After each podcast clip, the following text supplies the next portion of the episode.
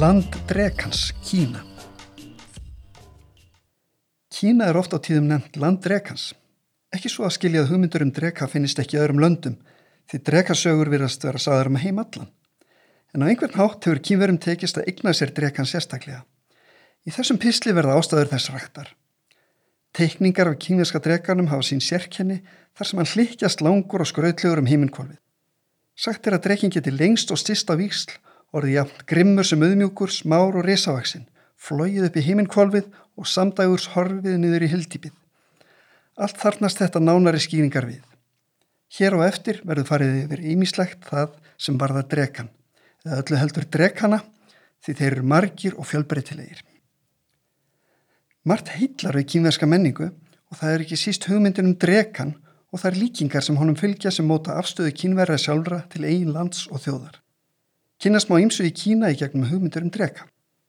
Segja má að í Kína sé bóstala allt tengt drekanum, landið, hafið, náttúruöflin og þjóðin. Þeir ekki um eitt drekaræða heldur marga og þeir skiptast í mismundu flokka.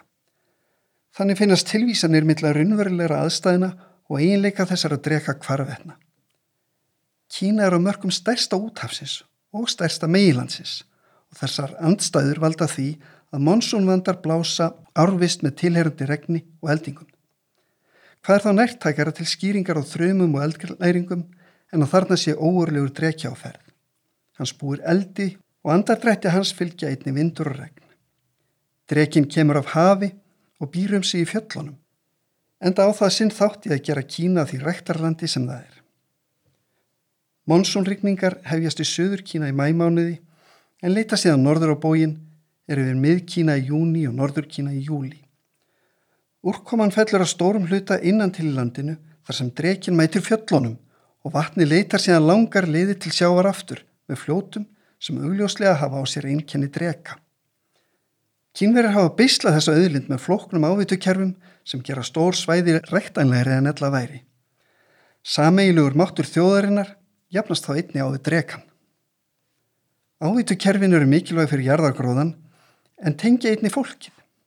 Íbúar hvers þorps er meðvitaður um að þeir sem búa bæði ofan við og neðan við þeirra eigið þorp notast við sama kerfið og er reynd sama vatnið. Fólkið í Kína kallar sig afkomendur drekans eða lungda tvanren og að baki því líkur sagan um gula keisaran eða Huangdi. Hann mun hafa verið dreki í mannsmynd og kínverður eru saður af honum komnir.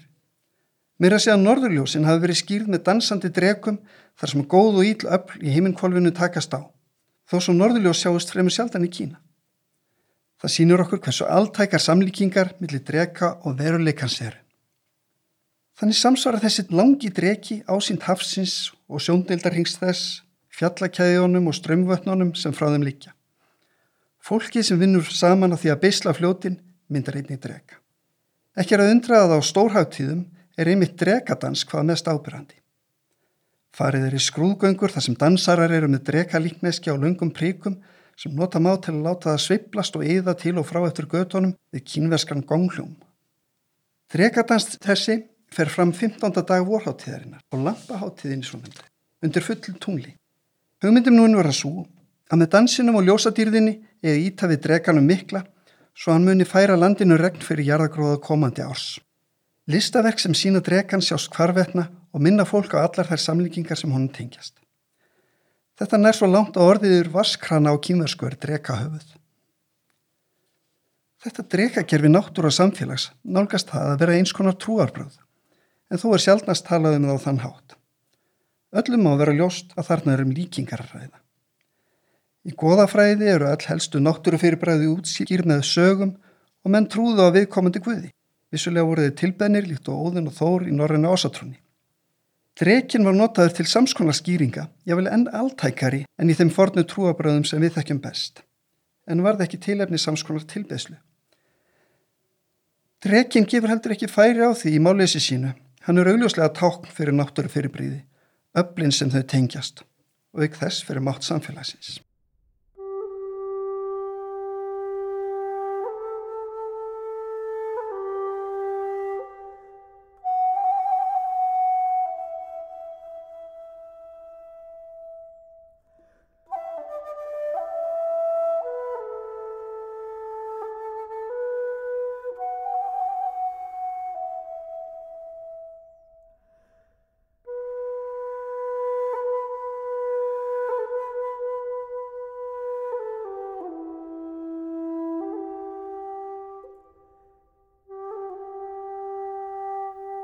Ímislettur á höldum ætt og uppbrunna drekana. Fundist hafa alltaf 6.000 ára drekalíkneski og því er í geta að margar hugmyndir hafa kveiknað öllum þessum tíma sem liðin er síðan þá. En samkvæmt þeim sögnum sem við í nútímanum höfum á takteinum ber fyrst að nefna hérna fimm drekakonunga í norðri, suðri, austri og vestri ekki þess sem ríkir í miðjunni. Þeir tengjast mismöndi litum en miðdrekin hefur gulan lit sem dregin er af jörðinni. Af því mun sögnin um gula keisaran vera sprottin.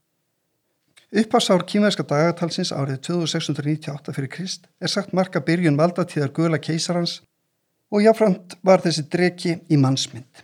Þess vegna var guli liturinn allatíð táklitur keisara kínaveldis og er jáfnvel notaður enn í dag hjá yfirveldum. Allskynns uppfinningar er ánafnaðar þessum góðsagnakenda keisara, til dæmis fótbóltinni sinni upprönglu mynd. En kýmverskir táistar rekja grunnkenningar táismans til gula keisarans, til jafnsáðila átt sé. Merkilegt reyt um kýmverska lækningar, Huangdi Neijing, er einnig tilhengað honum sem henn uppröngulega kennslubóki lækningum. Þá mennurna Huangdi Infujing merkilegt reyt þar sem farið er inn á fræðinum Feng Shui og Yin og Yang. Guli keisarin var getin við það að móður hans var fyrir eldnetti frá stjórnumerkinu Stórabirni. Hann bjó fyrst í Sandung hér að því, sama og látt sér bjó í síðar. Hann kendi fólkin að byggja sér hús, rækta hennar fimm megin kvartegundir, temja hússtýr, smíða vagna, báta og búa til fatnað. Það kendi hann mönnum að gera sér vopn, reikna með tölum, fann út tónstigan og tilherjandi hljóðfæri, sjöstrengiða fjöðlu, en kona hans Leitsu fann upp silkifefnað og litun. Í upphæðu var annar valdamæri keisari í nágræni hans og átti í styrjaldum sem hann fór hall og gæ. Hann fekk stuðning frá Huangdi en að lokum börðustur innbyrðis. Huangdi fór með sigur á holmi og var þar með innráður á svæðinu. Hinn sigraði keisari hétti Yen og stundum kalla kýmverið sig afkomendur Yen og Huangdi. Þegar síðasta keisaratífambilinu laug og Sun Yat-sen tók við valdataumunum árið 1912 lísti hann því yfir að valdatími hans var í hafin þann 12.11. árið 4609 og miðaði þannig við að fæðingarár Huangdi hefði verið 2698 fyrir Krist. Jáfnframt lísti hann þó yfir að hann myndi eftirliðis miða við sólaralmanakið sem segði að nú veri árið 1912. En þann dag í dag vísa kynverjar bæði í tunglalmanakið sitt gamla og sólaralmanakið nýja á viksl. Þeir nota líka ín og jang til að tákna þessi tvö dagatöl þar sem það kínverska stendur fyrir ín en það vestrana fyrir jang. Kínamórin er að sjálfsögðu oft kendur í drekan þar sem hann hlikjast langur og mjór yfir hæðartoppana. Saga er til um hjálpfúsa drekan sem vísaði hendugasta byggingarstæði sem rekur sig yfir um 2500 km leið frá austri til vesturs. Víða líka margir vekkir samhliða frá ímsum tímabilum og samtalsmyndaðir yfir 20.000 km kerfi af múrum. Mjög heilstiftur hluti sem gerði greinlega af rektunarland Norður Kína frá svæðum hyrðingjathóðflokka var reistur fyrir rúmlega 2000 árum og jafna nefnt að fyrsti keisarin, Qin Shi Huang, hafi fyrirskipað að leggja át í það verk. Qin Shi Huang kemur ótrúlega viða við í kýmverksins sögu þó valdatíðin hans hafi aðeins verið 11 ár frá 221 til 210 fyrir Krist.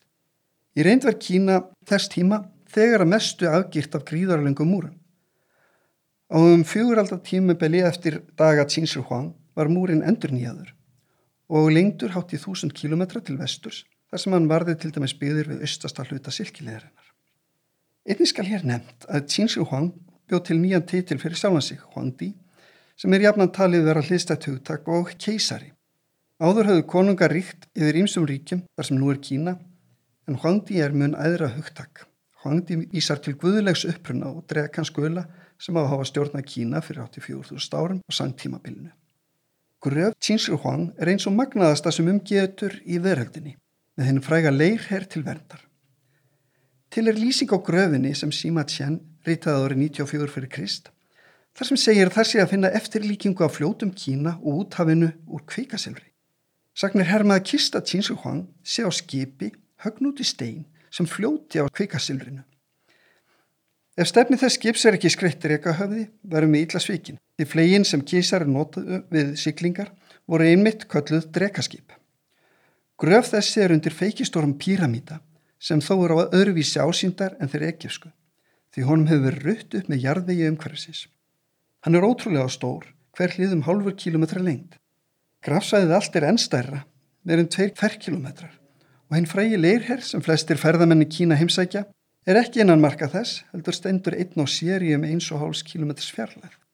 En þóra menn ekki að opna píramítan vegna óvissum að nútíma tækni dugi til að varðvita fortminjarnar eftir að loftfæra leika um þær. Maður laustur um íkjörræða varðandi drega steinskip Qinsu Huang fljótandi á kveikasilvurs eftirlíkingu á vatnakerfi alls Kína en ljóst er að margt á eftir að koma óvart þegar ráðaðist verður í forlefa uppgröftin. Fleiri smerri píramítar er í nágrenninu og fáinir þeirra hafa verið opnaður til skoðunar. Sá þekktasti er frá sipuðun tíma eða meirinn 2000 ára píramíti Jing keisara. Sá píramíti gengur undir nafninu Yangling og fundust í honum um 50.000 munir. Honum verður þó engan veginn jafna saman við hinn að tvekja ferrkilometra gröf Tínsur Huang en við verðum að býða þólinnmóð eftir opnun hennar.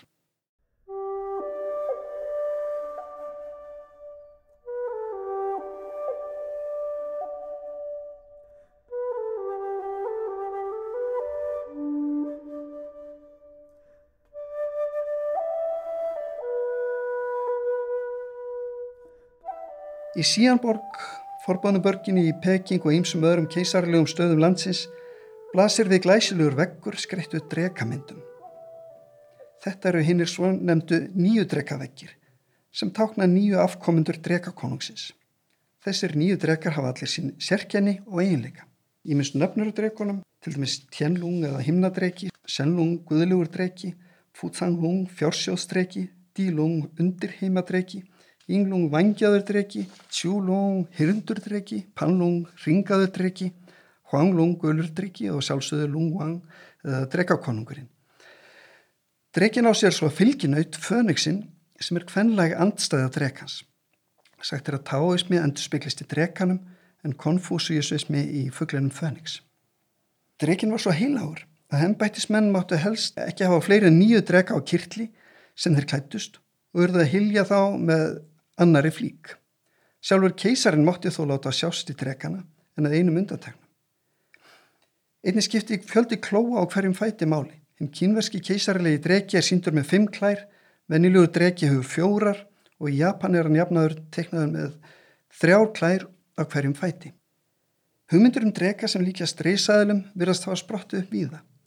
Öðru hverju reykast menn á reysaðlu bein og þá er ekki undra að álíktunarhæfnin fá að njóta sín. Einni finnast sumstaðar spór eftir ísæðlur, svona verður háð augljóslega verið til. Sérstök háttíð er nefnd eftir drekanum, svo kalluð drekabátháttíð. Nafn háttíðarinnar á kýmversku er að vísu Donwudje sem á útleikja sem solstöðuháttíð á íslensku. En Erlendis hefur nafnið drekabátaháttíð fest við hana. Að baki háttíðinni líka margar mismundi sögur, en svo frægast að snýra skáldinu Tjújen sem á fjórðu öld fyrir Krist lendi andstöðu við ríkjandi yfirvöld, hræktist í útlegð og samti eftir það fjölda ljóða en stifti sér að lokum í Mílu á í Suður Kína. Þar mætast ára öllum áttum úr vestri frá Þutsvan héræði, aðra áru norðri og suðri og halda áfram margaldar sem hefði mikla Yangtze fljót allt til Sjanghæborgar. Kínveri gera ofinni mikið úr þessari hátíð. Þar sem vötn er að finna má búast við að fólk hópist saman til að sjá tilkomi mikla langa drekabáta farið er í kappróður sem táknar einn enginleista atbyrg kýmerska sögu þegar aðdáðundur Tjúen áttuðu sig á því að hann hefði druknað þá þeistuður út á bátu með hrískrón til að fóðra fiskana svo þeir myndi ekki geta skáldi. Hátið þessi er haldinn hinn 5. dag, 5. mánadar samkvæmt kýmerska tungldagatallinu sem er einhver tíman í júni eða júli samkvæmt vestræðum dagatali. Eins og fyrr segir fór keisarinn um fljótakerfi landsins á sérstökum drekaskipum en þau voru svo stór að gera þurfti sérstaklega ráð fyrir breytt þeirra við gerð skipaskurða. Slíkir skurðir áttu að vera rúmlega 30 metrar á breytt. Stærri fljótt Kína fallaði mestu frá vestri til austurs og því var feikilugur skurður kallaður Dajunhua eða stóra fluttningsáinn grafin frá norðri til söðurs frá Yangtze-svæðinu til höfuborga í norður Kína. Um hann gildir það sama á Kínamúrin að hann skiptist víða í margar samhliða greinar. Jafnan er þess getið að Dajunhua sé í rauninni mesta mannvirki í Kína, mun meirað vöxtum en Kínamúrin en ekki jafn mikið fyrir augað hulinn vassflettinum. Skurðakerri þetta er ævaformt en stórluti var grafin á 70 og 7. öld. Þá maður geta þess að Yangtze fljót annars vegar og vestur fljót sem rennur í perlufljóti Hong Kong hins vegar voru tengt með skurði sem hinn markfræði Qin Shi Huang let grafa rúmum tveimur öldum fyrir Krist. Tilgangurinn með þessu var að flytja skatt til höfustæðarins en almenn viðskipti blómgóðist einnig með þessum bættu samgöngum. Svo mikil skipaumferð var eftir vatnaleðunum að sérstök flökku þjóð var til sem sá um siglingarnar, höllu tankafólkið. Menn hafa velt mikið vöngum um mikilvægi þessa skurðakerfis og hvers vegna svo mikið að matvælum var flutt frá söðri til norðus en á móti kom að allskins framlýsluvörur voru fluttar söður. Þessi hlutverkaskipting norður og söður Kína fóli í sér að yðnaður þróaðist upp og jáfnvel fjöldaframniðsla á allskins varningi. Þörfin á matvælaflutningi norður á bógin kom snemma fram og hefur verið skýr með því að jarðvegur þar gaf sífælt minna af sér eftir því sem tímar liði. Sölt og önnur óæskili efni söpnuðust upp því flóð og regningar næði ekki til hreinsunar. Betri vatnabúskapur í Suður Kína var til þess að þar helst á jafnvægi sem tríði meiri og stöður í matvælaframleyslu. Allskynns auðlindir í Norður Kína hendiði hins vegar fyrir framleyslu og innvarningi og þannig komst þetta samstarf landslutana á. Á landamærum Kína í norðri er fljót sem gengur undir tveimur nöfnum eftir því hvoru megin lítið er aða. Úr norðri er það kallað Amurfljót en úr suðri frá Kína séð heitir það Heilungjiang eða Svartadrekkafljót. Þjóðsaga segir að bondasónur við fljótið hafi verið þessi svarti dreki í mannskerfi en daginn hafa hann ekki getað stilt sig um og drukkið allt vatnið úr fljótinu og sínt um leið sitt rétt andlit. Föður hans var mikið um þetta og hjó í hala hans. Þannig að drekinn hafi sjábrátt. Þá kom hvítur drekki í fljótið sem var íllur og sökti bátum og allir mannskæðum fljóðum. Þá kom svarti drekinn aftur til að berjast við aðkomudrekka. Fólki fylgist með og þegar svartar öldur voru áberandi hafðist ekkert að en þegar hvítar öldur tóku völdin kastaði steinum út í fljótið til að styðja svartadrekkan. Svarti drekinn hefur þannig náð yfirhendinni og tryggir bátum öryggi og verndar íbúa fyrir ágangi fljótsins. Eins og minnst var á upphafi Þá eru samkvæmt gömlum sögnum fimm drekar ráðundi í veröldinni, svo guli í miðjunni en svo svarti í norðri. Austri var grætt dreki, kvítur í vestri, rauður í suðri. Þeir standa jafnframt fyrir frumöfnum finn, þar sem sá í miðið guli drekin táknar jörðina. Svarti drekin sem Heilungjang heitir eftir, stendur að sjálfsögðu fyrir vatn. Svo kvíti í vestri fyrir málm, hinn græni í austri fyrir við og hinn rauði í suðri fyrir eld. Út af þessu kemur Áhersla hins keisarlega valds í Kína og Guðlan lit tákn valds yfir jörðinni og tenging við hinn góðsakna kenda forföður þóðurinnar af drekakinni.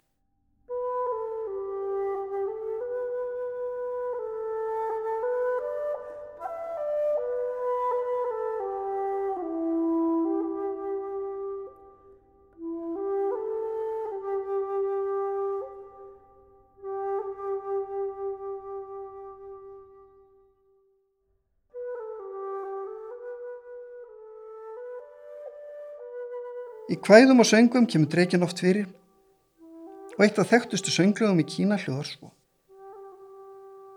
Í hennu fjarlæga austri finnst þið fljót, nefnist það Yangtze fljót. Í hennu fjarlæga austri finnst þið ná, nefnist hún Gulá. Þó aldrei njóti Yangtze fljótsins fegurðar, í draumi fæ ég sindar.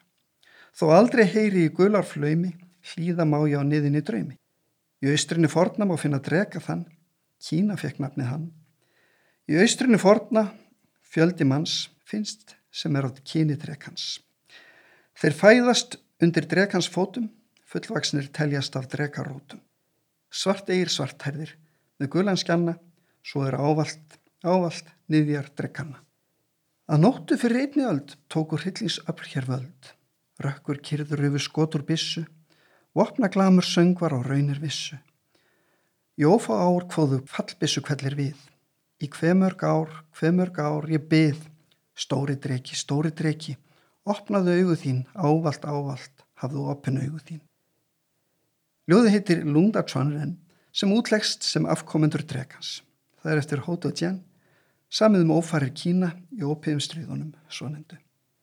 Í vestur hluta Kína er fjöldi fjallar sem kendur yfir dreka, til dæmis snædrekafjall, og má vera þessi skýring á tilvist kvítadrekans í vestri. Margir átt að segja ekki á því að innan landamæra Kína eru margir jöklar, einhverjum í Tíbet og leysinga vatn frá snæfið þögtum fjöllum og fannbreyðum bæta í flóða anna á vorin.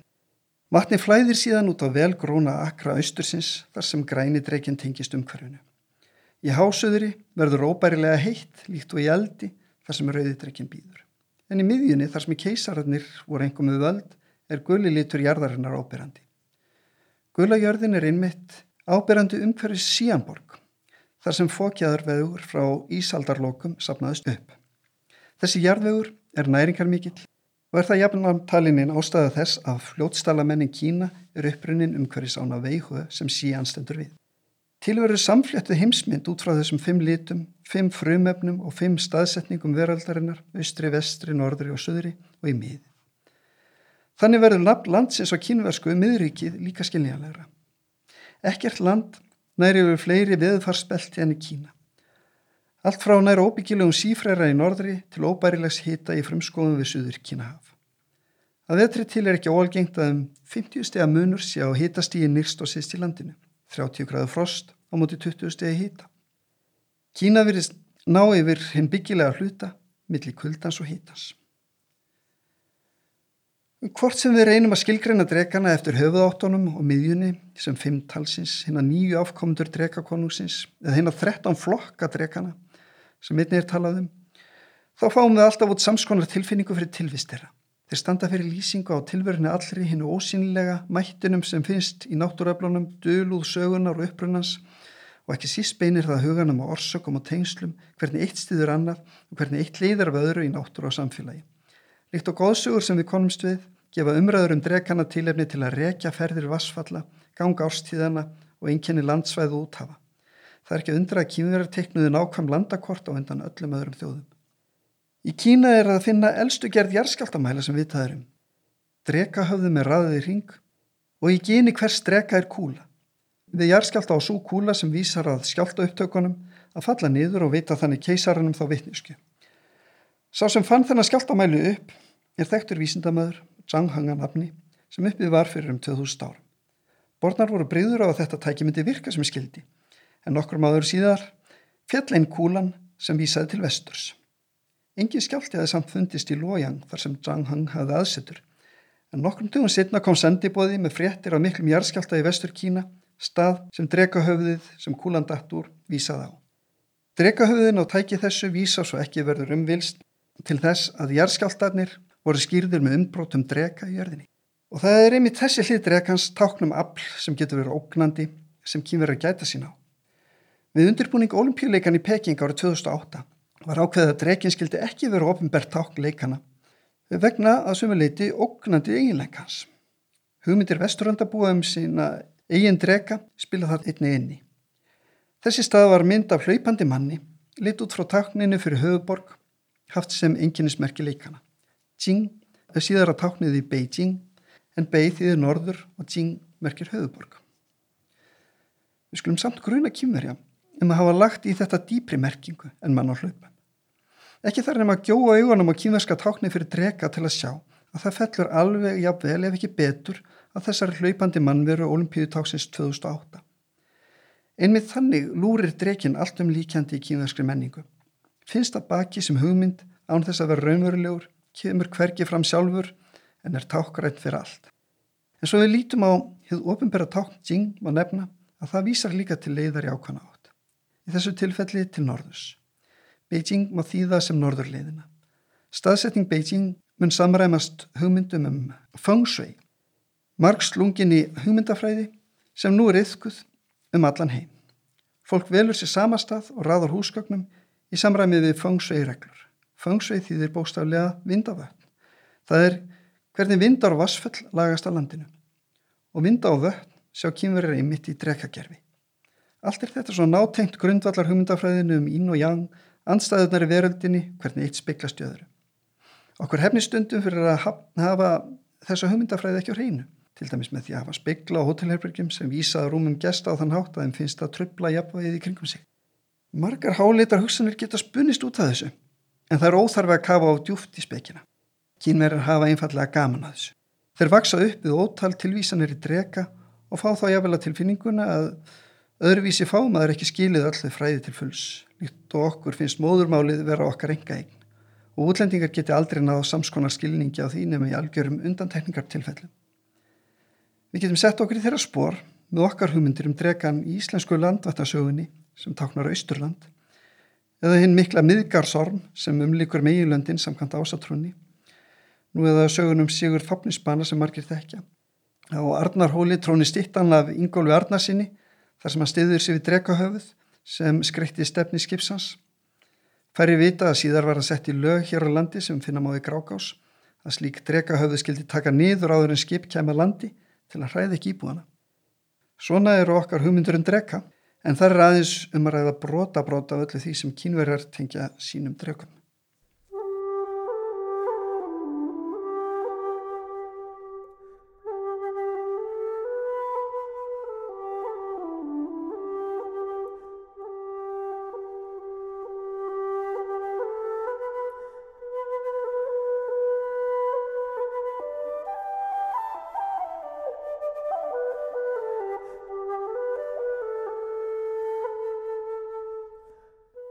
Eitt einkenni kývarska menningar er að hafa auga fyrir smáatriðum. Nákvæmar lýsingar er á því hvernig teikna skal drega. Hvernig mismöndu hlutar hans eru reyn fengnir úr hennum ymsu dýrum. Til forna var kývarska dregin líkari okkar en nú gerist. Hann var með vangi, en eftir því sem aldirnar liðu runnu þeir saman við skí og eld umhverfisins. Og rekja má hvernig þeir hörfuð á lokum endanlega. Einsagan hermir að dregin hafi hjartarhorn, úlvaldahaus, djöflaaugu, snáksháls, silkjórfsmaga, karvarhistur, arnaklær, tíurloppur og auksæru. Listamenn reyna að nota sér þetta til að setja inn hinn ímsu smáatrið og drega í tekningarnar. Einni fór að bera því fyrir rúm þúsund árum að dregin gætti kúlu sem óttast er talin vera perla og tákna verðmætin sem dregin gætir. Aðri segja þó kúluna tákna egg því dregin líkist með snáki og krokodíl sem verpa ju eggjum. Ennönnur skýring er svo að hér séum að ræða sólina sem henn yfir náttúrulegu öll tengjast. Samskonar kúla er höfð undir frammi ljóna í keisarhællinni en hún teknar jörðina þar sem keisarin var við völd. Drekinn tengist sviplum náttúrunar og stendur fyrir eitt árið í hennum kínverska 12 ára stjórnusbyggjaring. Hann er eina veran sem er ekki raunverulega til en dreka árið er næst á hundan ári snáksis. Þannig má para saman árin 2 og 2. Þeir skoma músin og auksin sem andstæður smæðar og stærðar, snjallræðis og fláræðis. Ímsar sögur eru til um keppni sem dýrin átt að fara í til að skera úr um rauðin þeirra og samkvæmt einni þeirra ætlaði auksin að svindla, laðast áðu undan hinnum en þegar hann ætlaði yfir marklínuna stökk músin úr feldi hans og í markið og var þannig fyrst allra. Næst komu tíurinn og hérinn, áraðininn og aðgæslan, harkan og mýktin en hliðstæða fælst í því að bæði dýrin eru fótfrá og komu því næst á eftir þeim lúmskari. Næsta par var drekin og snákurinn hliðstæður og útliti, andstæður sem góðsögn og veruleiki. Þá koma hesturinn og geitin, bæði hústýr, en með gagstaði einleika þrautsegi og kviklindis. Þessi dýr eru svo vel tamin og kurtis á hvorutt vildi vera undan hínu yfir markalínuna, en hinn svo kallaði Jaði keisari dæmdi að þau hefðu samt komist í mark, nr. 7 og 8. Appin og Hanin komu þar á eftir. Appin var sittnin önnur dýr en gatt stift sér leið og var þessuna nýjund í rauðinni. Hanin er vissulega andstæðað appans í útliti en hefða sér svipað ásýndar, hlaupandi fram og aftur. Síðust voru hundurinn og svínið. Hundurinn gætir að út af við til að tryggja öryggi heimilisins meðan svínið hugar inn á við að því sem ætilegt er. Þannig leika menn sér að sérkennum þessara dýra og reyna að spá fyrir um atbyrði næsta árs út frá eiginleikum viðkomandi dýrs. Ár drekans hefur ávalt mikla sérstöði huga kínverja því segja má að það sé þjóðarár. Samkvæmt sögunni er þessi tól dýr verðir himnahleisins. Þetta yfirritt ætti að gefa okkur nokkra tilfinningu fyrir þýðingu drekans, fyrir sjálfsmynd kýmursku þjóðurinnar og hugmyndir hennar um landsitt og náttúruöfl. Þetta er leið þjóðar í gríðastóri landi til að höndla þær sérstöku aðstæður sem það ríkja. Um leið veitir það ómælda gleðu og ánægu í dansýningum, jæmt sem sagna og skreitilist, að tólka hugmyndirnar um drekana og byrtingamyndir þeirra. Góða stundir.